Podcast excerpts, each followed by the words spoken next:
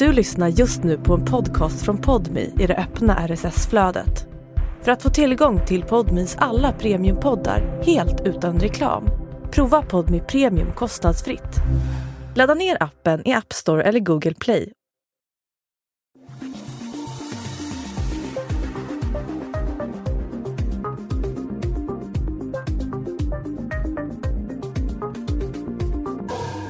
En vårdag år 2016 får SOS Alarm flera samtal från en ö i Stockholms skärgård. En person har hittat stöd i en kanal och en man berättar att han haft någonting med det att göra. Inom kort är sjöpolis, hundpatrull och kriminaltekniker på plats för att skapa sig en bättre förståelse kring det som hänt. Två områden spärras av och två personer får följa med in till polisstationen. De första förhören hålls och en förundersökning om mord inleds. Det verkar som att alkohol och svartsjuka varit en del av det drama som utspelat sig kvällen innan och som nu försatt ett samhälle i chock.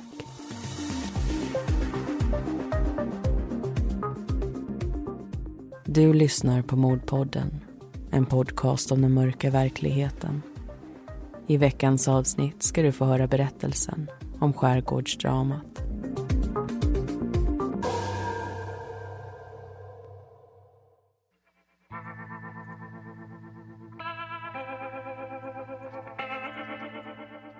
I augusti 2016 kliver ett antal personer in i en tingssal i Huddinge.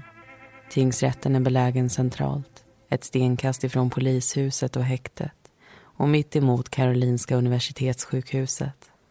På ena sidan salen slår sig åklagare, målsägande och målsägande beträder ner. Mitt emot dem försvarsadvokaten och den tilltalade. I rummet finns också de domare som ska ta ställning i ärendet samt åhörare och journalister. När alla funnit sin plats och timmen är slagen drar huvudförhandlingen igång. Åklagaren inleder. Den 29 april 2016 var en fredag. Den tilltalade, 51-åriga Kai, befann sig i sitt hem i skärgården söder om Stockholm. Han drack öl och grillade med sin före detta sambo Agneta. En kvinna han tidigare haft ett förhållande med i hela sju år. Kvällen skulle dock inte sluta trevligt. Då solen gått ner och mörkret lagt sig kom nämligen Agnetas nuvarande sambo dit. En 52-årig man vid namn Gustav. Enligt åklagaren blev Kai förbannad. Han ville lappa ihop relationen med Agneta och sambon var ett tydligt hinder för det. Kai reste sig därför upp och gick Gustav till mötes. På altanen utanför ytterdörren rök de två männen ihop. Kaj utdelade en stor mängd slag och sparkar och det slutade med att Gustav förlorade sitt liv vid en betongtrappa. Kajs våld tog dock inte slut där. Han fäste ena änden av en lina om den andra mannens hals och den andra änden i sin bil. Satte sig i förarsätet och gasade på. I ungefär en kilometer var kroppen i släptåg. Därefter stannade Kaj till vid en bro, klev ut och rullade den till kanten under vägräcket och ner i vattnet. Det är åklagarens främsta teori. Men det finns också en annan. Där Gustav inte dog under själva bråket utan någon gång under bilfärden. I vilket fall som handlar det om våld utövat av en annan person. Och den personen är Kai. Åklagaren yrkar på att han ska dömas för mord och brott mot griftefriden. I andra hand grov misshandel och vållande till annans död. Försvaret och Kai håller dock inte med om att det var så det gick till. De har egna teorier att lägga fram. Men för stunden tar de ställning till åklagarens yrkanden. Kai menar att han inte har gjort sig skyldig till något av det där. Förutom en sak. Brott mot griftefriden. Det erkänner han. Då vardera part tagit ställning till det som skett och åklagaren bringat ljus i ärendet som ska avhandlas inleds nästa del av huvudförhandlingen. Vittnen ska höras, bevisning läggas fram och Kai själv får berätta vad det var som hände. Gustav mister livet under fredagskvällen men det är först på lördagen som det uppenbaras för utomstående. En pappa och en son är ute den dagen för att lägga i sin båt och köra den till landstället. Pappan styr dem genom en kanal medan fören tvingar vattnet åt sidorna.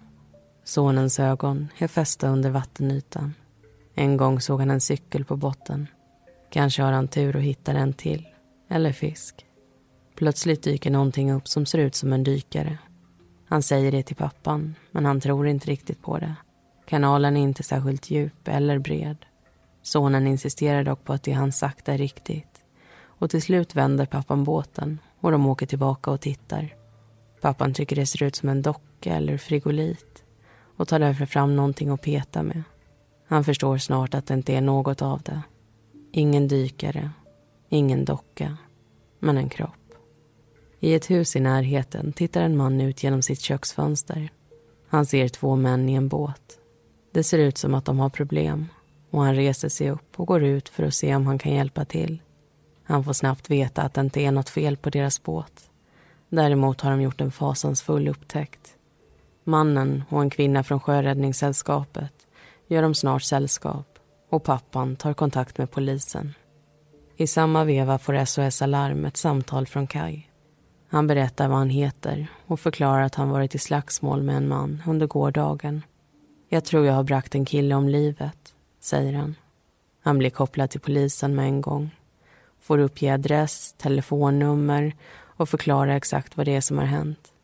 51-åringen berättar att han och en man vid namn Gustav boxats lite och att det slutat med att Kai kastat honom i sjön. Polisen förstår allvaret i det som sägs och förklarar för Kai att en patrull är informerad och på väg hem till honom. De kommer vilja höra honom mer ingående. Kai förstår och säger att han ska vänta. En stund senare blir han uppringd. Patrullen är nästan där och polisen i luren ber honom att gå dem till mötes. När bilen rullar fram ser poliserna i den en man komma gåendes lugnt. Gripandet sker klockan 13.30 på lördagen utan några incidenter. Kaj är samarbetsvillig och plockas in i polisbilen. Han får svara på några frågor medan fler poliser kopplas in i ärendet. Hans före detta sambo Agneta är också på plats och inom kort fattas ett beslut att även hon ska följa med dem.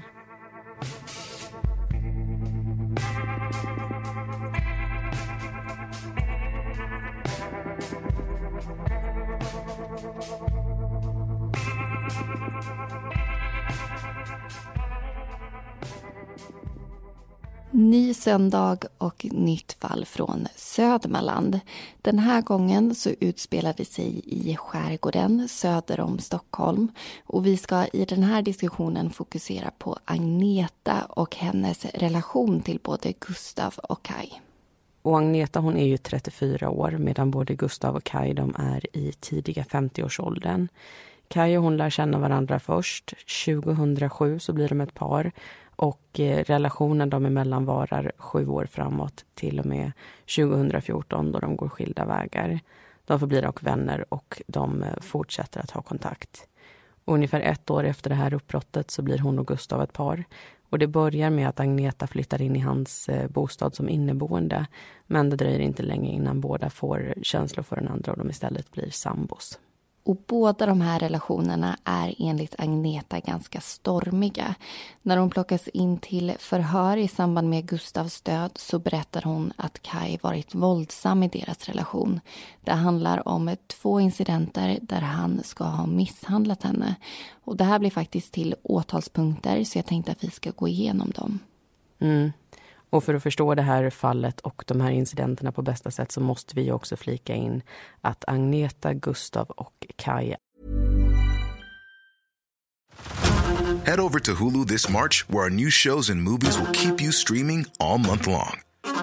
Catch the acclaimed movie All of us strangers starring Paul Mescal and Andrew Scott.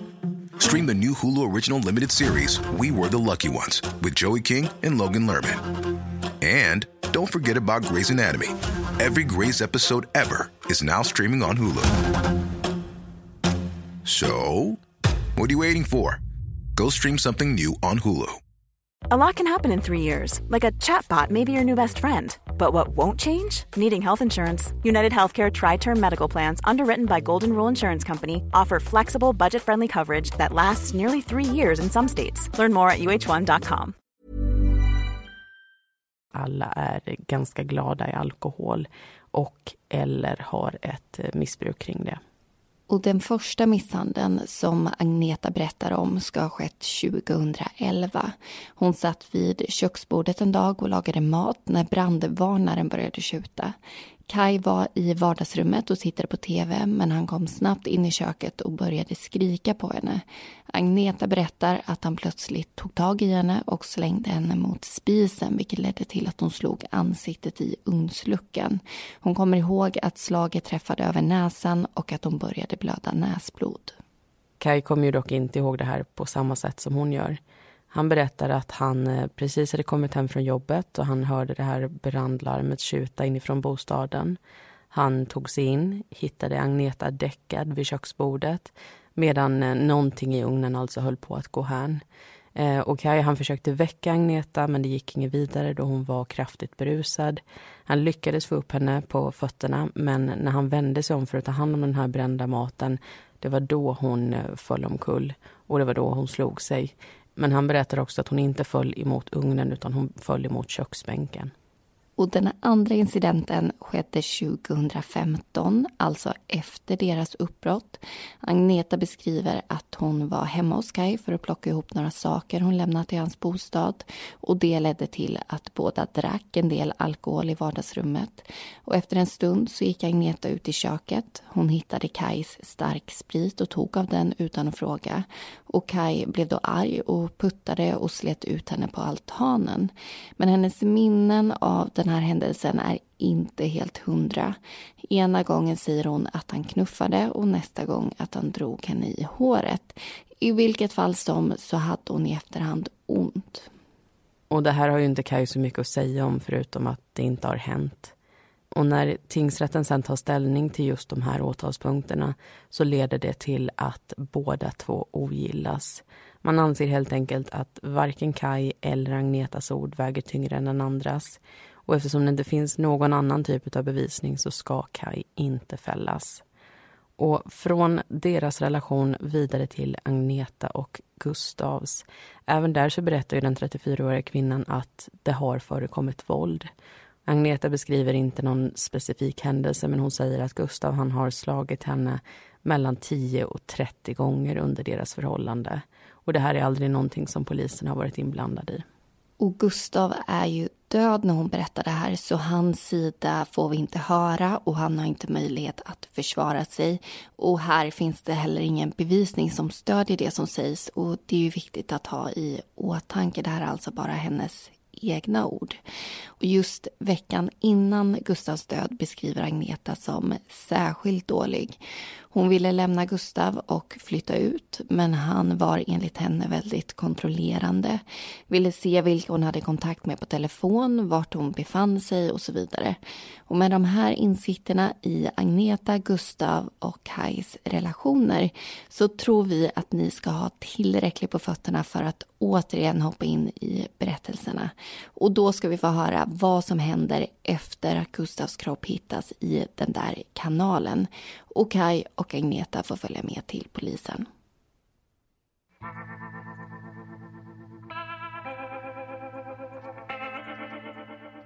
Efter gripandet transporteras Kaj och Agneta därifrån samtidigt som allt fler poliser kopplas in i ärendet. En insatschef får i uppdrag att agera spindeln i nätet.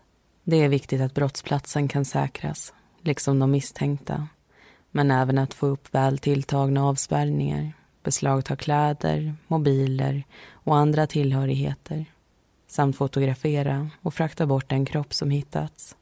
En platschef beslagtar Kajs bil. Den ska till polisens tekniska garage i Flemingsberg.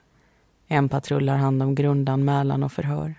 En annan ska bege sig till fyndplatsen och en tredje fixar med avspärrningar. Sjöpolisen får i jobb att bärga kroppen från kanalen. Det sker i samverkan med kriminaltekniker och på plats finns även en rättsläkare. För det annars lugna lilla samhället är polisens närvaro svår att undgå och snart sprider sig rykten om att någon har hittats död. Kanalen där kroppen påträffats löper mellan fastlandet och en skärgårdsö. På bron däremellan har man observerat spår och avspärrningar sätts upp. Klockan 15.45 kan teknikerna inleda sin undersökning. Vid ena sidan, intill ett vägräcke, se släpspår i gruset. Där finns också en liten mängd blod, gräs och jord som om kroppen i fråga skjutits eller rullats under räcket och ner i vattnet. Att den hittas ungefär 60 meter därifrån förklaras genom att den följt med strömmen. Det är en fyndplats, men inte en brottsplats. Så mycket förstår man. Det stämmer också överens med det Kai berättat hittills. Att bråket började på hans altan. Kais bostad är belägen en dryg kilometer ifrån bron. En mindre villa med tre rum och kök. Huset är byggt i en slänt och två trappor leder upp till den altan där ytterdörren är belägen. Den lägre trappan är gjord i betong och följer terrängen. Vid sidan om den ligger en igenvuxen rabatt. Högst upp finns en avsats och till vänster om den fortsätter tre steg i trä in till husfasaden. På altanen står några trädgårdsmöbler och en grill. Innanför dörren väntar en tvärgående hall. Till höger ligger två rum, varav ett sovrum. Till vänster vardagsrummet och rakt fram köket. Den största delen bevisning återfinns dock utomhus. En dryg meter ifrån ytterdörren hittas blod på trädäcket och intill en trasig sopkvast längs husväggen, stänk. På mitten steget till trätrappan, några stenplattor och längs sidan av betongtrappan dokumenteras liknande fynd. Att detta är brottsplatsen råder inte längre några tvivel kring. Men det saknas en detaljerad berättelse och den finner polisen i förhörsrummet. När Agneta sitter emot förhörsledaren den 30 april så är det som misstänkt. Man vet att hon varit på plats då Gustav misshandlats och tanken har slagit om att hon kanske också varit delaktig. Men enligt Agneta är så inte fallet. Den där fredagen i slutet av april börjar i hennes och Gustavs gemensamma lägenhet i Västerhaninge. Förhållandet mellan de två är så gott som över och Agneta vill komma bort. Hon har därför stämt träff med sin expojkvän och numera goda vän, Kai. Han ska hämta upp henne inne i centrum och då Gustav åker iväg till jobbet går Agneta in mot stan. Hon uträttar några bankärenden, tar en runda på Systembolaget och sluter sedan upp med Kai på en parkering. Samtalen från Gustav har redan börjat registreras på hennes telefon. Hon vill inte att han ska veta vart hon är. Gör han det kommer han onekligen komma efter. Kaj och Agneta lämnar snart Västerhaninge bakom sig och kör mot kusten. Under färden pratar hon och Gustav i telefon. Mot sin vilja slinker det ut vart hon ska. Runt klockan ett är paret framme. Agnetas mamma har ett hus på orten och det blir deras första anhalt. Sen följer hon med hem till Kaj. Precis som hon anat berättar Gustav att han tänker ta bussen till henne efter jobbet. Hon vill inte det, men hennes önskan faller på döva öron. Hon och Kaj tänder grillen på altanen, pratar och dricker när en granne kommer förbi. Han slår sig ner och gör dem sällskap en tid innan det är dags att gå hem till sitt. Kaj och Agneta har förflyttat sig in till köket. Längs ena väggen står ett köksbord med fyra stolar. De sitter på varsin sida. Vad klockan är har ingen av dem riktigt koll på. Men utomhus har det blivit mörkt. Agneta hade egentligen tänkt spendera natten ensam i mammans bostad. Men genom kontakten med Gustav så vet hon att han redan är där. Och hon har inga planer på att göra honom sällskap. Plötsligt syns ett välbekant ansikte utanför köksfönstret. Och Kai säger, där kommer din pojkvän. Agneta vänder sig om för att se, men han är inte kvar. Så öppnas ytterdörren. Head over to Hulu this March, where our new shows and movies will keep you streaming all month long. Catch the acclaimed movie All of Us Strangers, starring Paul Mescal and Andrew Scott. Stream the new Hulu original limited series We Were the Lucky Ones with Joey King and Logan Lerman. And don't forget about Grey's Anatomy. Every Grey's episode ever is now streaming on Hulu.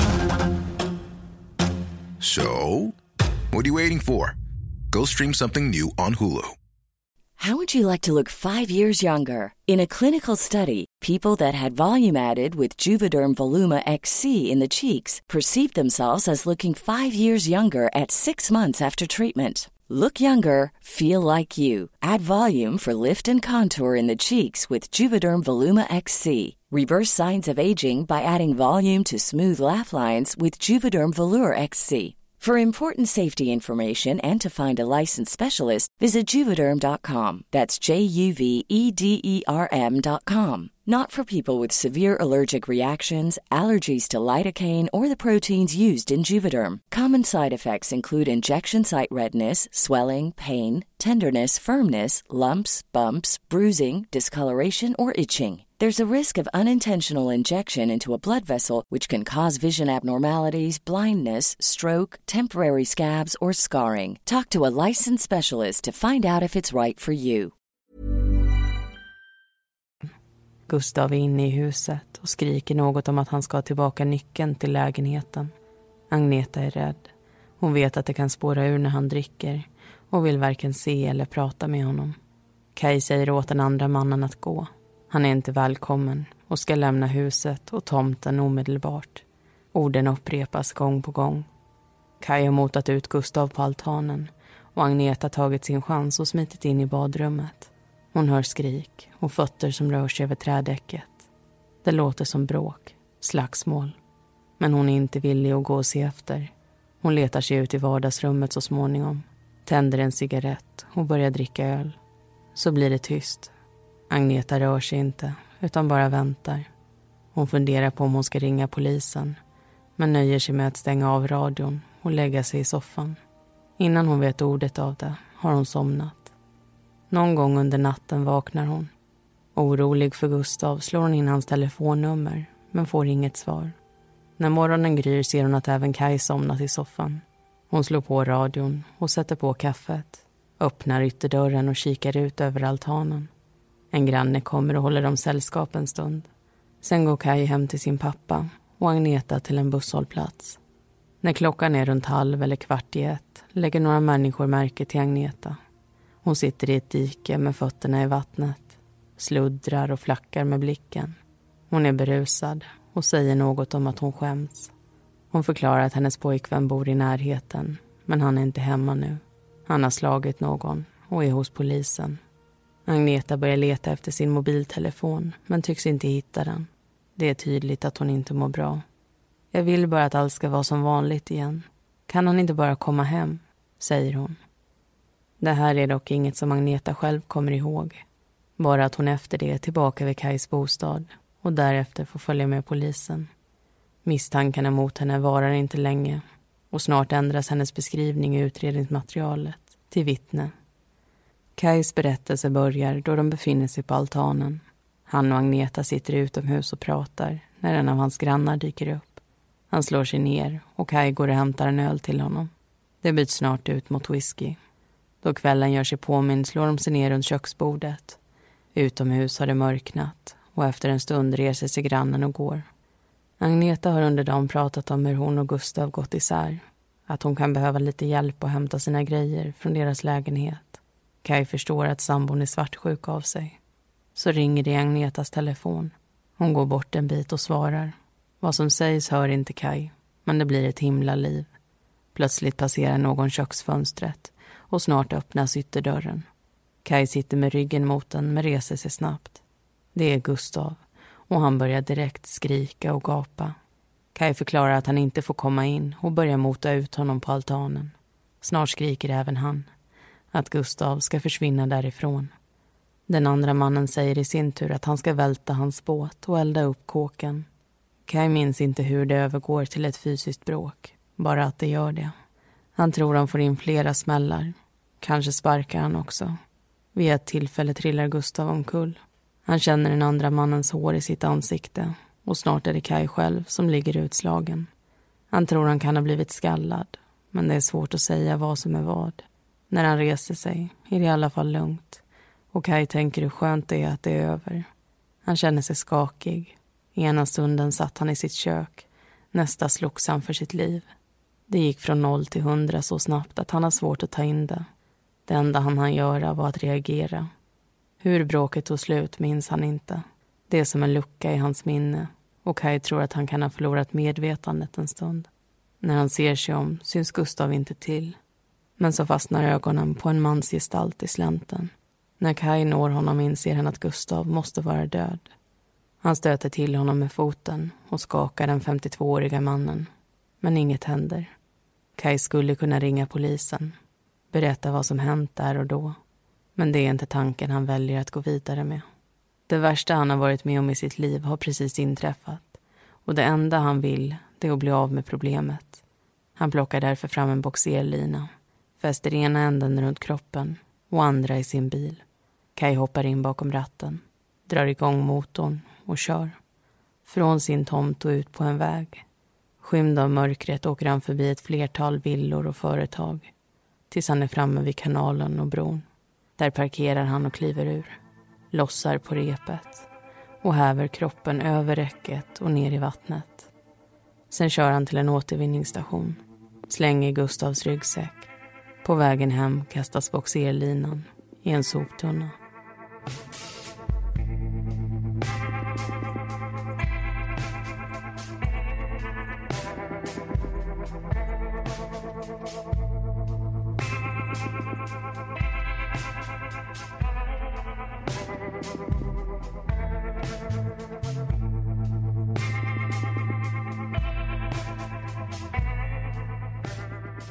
Vi har nu hört Agneta och Kajs berättelser och det har blivit dags att fortsätta med diskussion. Vi ska prata lite om de olika åtalspunkterna, skadestånd, vad rättsmedicin kommer fram till och så Gustav som person. Och jag tänker att vi börjar med det sistnämnda. Och det är ju alltid svårt som utomstående att få en inblick i vem en person var. Särskilt under omständigheter som dessa när allting alltså bygger på andrahandsversioner eller andrahandsberättelser. Men det finns ju några av Gustavs anhöriga och vänner som uttalar sig om honom i förundersökningsprotokollet. Eh, och det tycker jag är värt att lyfta då det enda vi egentligen har hört hittills det är ju hur en ex-flickvän och den man som har orsakat hans död beskrivit honom. Gustav är 52 år när han går bort. Han var pappa till två söner. Han arbetade på ett snickeri, åkte på bilträffar och tyckte om att ha ordning omkring sig. Enligt en av hans söner så var han aldrig aggressiv, inte ens med sprit i kroppen. Han var dock glad i öl och tyckte om att umgås med vänner och särskilt på helgerna och hade ett par arbetskamrater som stod honom väldigt nära. Och en av de här kollegorna har aldrig märkt av något tjafs eller någon svartsjuka mellan Gustav och Agneta, men det har däremot en annan. Mm. Eh, och den personen berättar att Gustav förändrades då han och Agneta blev ihop. Han blev grinig, paranoid, eh, svartsjuk och så hade den här kollegan aldrig sett honom vara innan. Och utifrån så verkade den här relationen vara bråkig, det var mycket gap, det var mycket skrik. Eh, Agneta själv gav inte något gott intryck hos den här arbetskamraten utan hon uppfattades som virrig, en person som inte gjorde någonting vettigt och som Gustav helt enkelt borde lämna. En annan person som hörs det är ju en före detta flickvän till Gustav. Agneta beskriver honom som svartsjuk och den här före detta flickvännen kände till viss del igen det här men inte alls på samma nivå. Exflickvännen berättar att han kunde ringa ofta, komma med blommor och kolla till henne. Och Det kunde bli tjafsigt och det kunde bli jobbigt men han var aldrig aggressiv. Och även efter att deras relation tog slut så behöll de kontakten och Gustav ställde ofta upp när de behövde hjälp. Och vi har ju hört Kajs berättelse om det här bråket som utspelar sig mellan honom och Gustav den här kvällen. Eh, vilket minst sagt låter aggressivt. Men det är en sak som vi inte har tagit upp och det är ju hur det slutar. På något vis så hamnar Gustav alltså i slänten en bra bit nedanför altanen. Och hur han har kommit dit, om han har ramlat, knuffats och så vidare, det är vi ju inte på det klara med. Rättsläkaren däremot kan ju dra ett par slutsatser kring själva dödsfallet. Det första är att han med allra största sannolikhet dör där och då. Han lever alltså inte när Kai släpper iväg honom efter sin bil. Och det andra är dödsorsaken.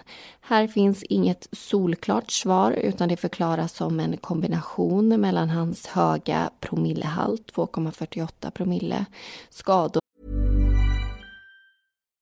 Subtle results, still you, but with fewer lines. Botox Cosmetic, out of botulinum toxin A, is a prescription medicine used to temporarily make moderate to severe frown lines, crow's feet, and forehead lines look better in adults. Effects of Botox Cosmetic may spread hours to weeks after injection, causing serious symptoms. Alert your doctor right away as difficulty swallowing, speaking, breathing, eye problems, or muscle weakness may be a sign of a life threatening condition. Patients with these conditions before injection are at highest risk. Don't receive Botox Cosmetic if you have a skin infection. Side effects may include allergic reactions, injection site pain, headache, eyebrow and eyelid drooping, and eyelid swelling. Allergic reactions can include rash, welts, asthma symptoms, and dizziness. Tell your doctor about medical history, muscle or nerve conditions including ALS or Lou Gehrig's disease, myasthenia gravis, or Lambert-Eaton syndrome and medications, including botulinum toxins, as these may increase the risk of serious side effects. For full safety information, visit BotoxCosmetic.com or call 877-351-0300. See for yourself at BotoxCosmetic.com.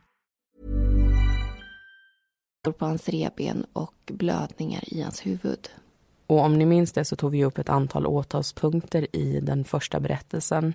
Åklagaren misstänker ju inte bara Kaj för mord och brott mot griftefriden utan även grov misshandel och vållande till annans död.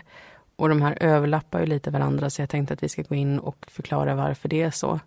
Och det finns någonting i Sverige som heter åtalsplikt. Och det innebär att om det finns tillräckligt med bevis att åtala en person så måste åklagaren i stora drag också göra det. Och när man inte vet exakt hur någonting har gått till så är det ganska vanligt att man gör som i det här fallet.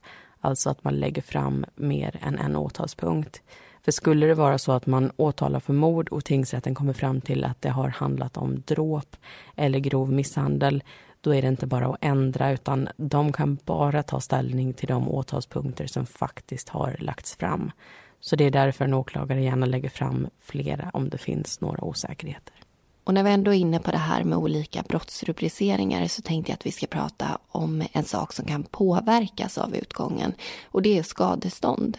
Vid mord, dråp och vållande till annans död så har anhöriga till offret rätt att ansöka om den här typen av ekonomisk ersättning som då ska komma från den personen som döms, om den döms.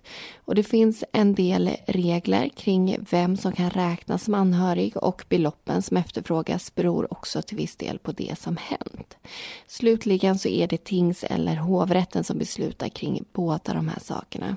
Men skulle det bli tal om en annan brottsrubricering, till exempel exempel grov misshandel som är en av åtalspunkterna mot Kai, då försvinner också rätten för anhöriga att få skadestånd. Och med det sagt så tror jag att vi har lyft allting som vi har lovat att lyfta i den här diskussionen, vilket betyder att det är dags att runda av och lyssna till den sista berättelsen.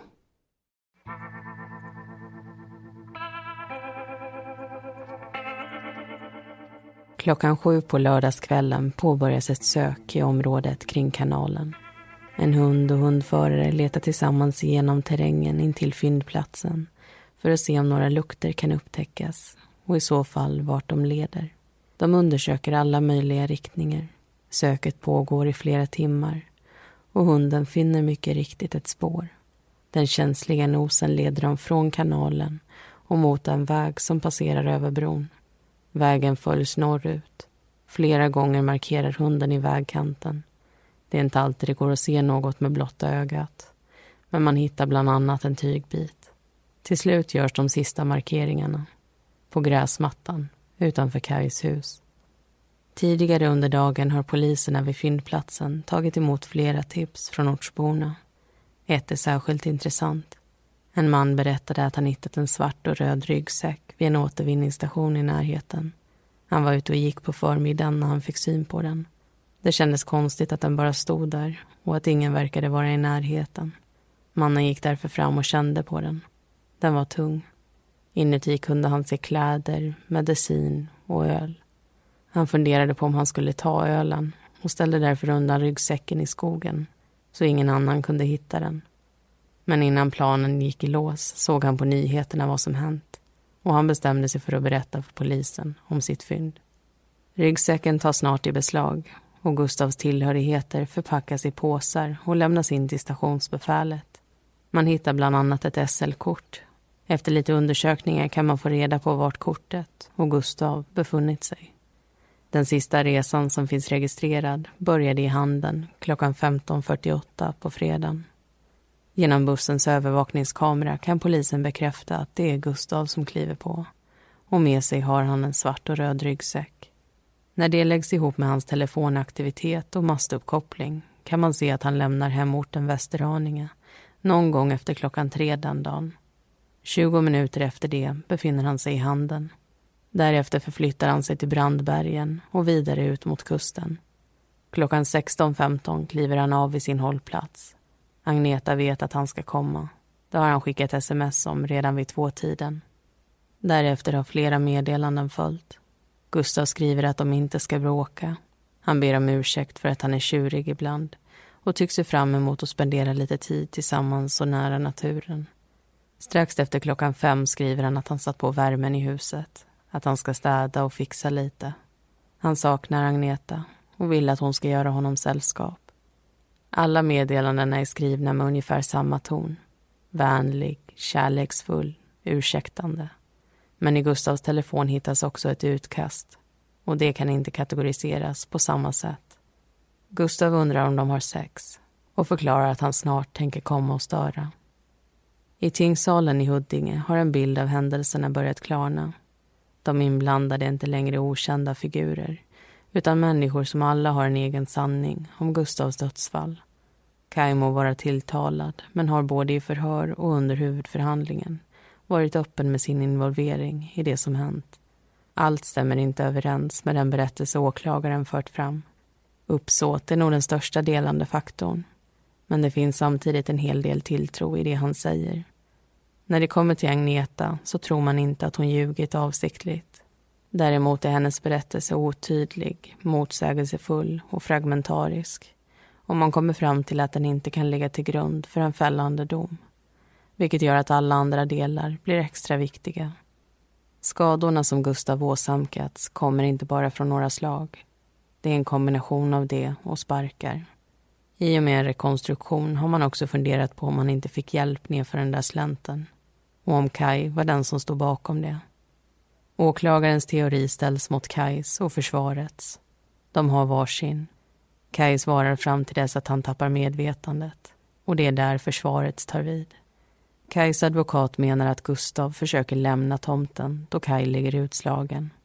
Han går ner för de tre trappstegen i trä och fram till husknuten. Så ångrar han sig och vänder tillbaka.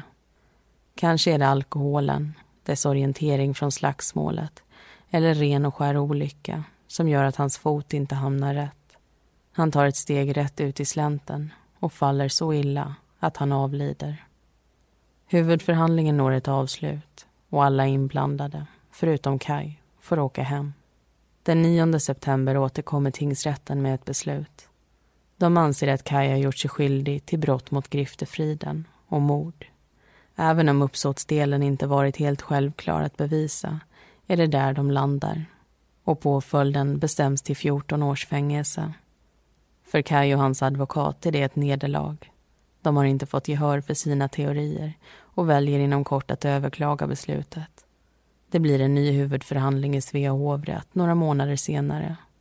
Och den 18 januari 2017 kommer de med ett nytt beslut. Kaj har inte gjort sig skyldig till mord. Det handlar om grov misshandel och brott mot griftefriden. Inget mer och inget mindre. Påföljden ändras till tre års fängelse och de skadestånd som tidigare beviljats plockas bort.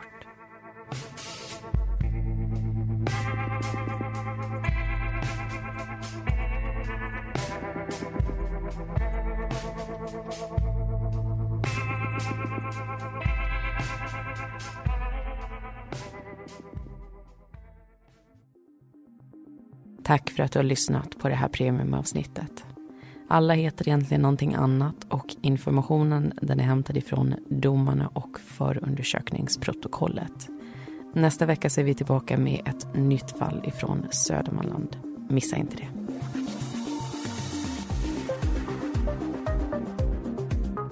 Vi som gör Mordpodden heter Linnea Bolin och Amanda Karlsson.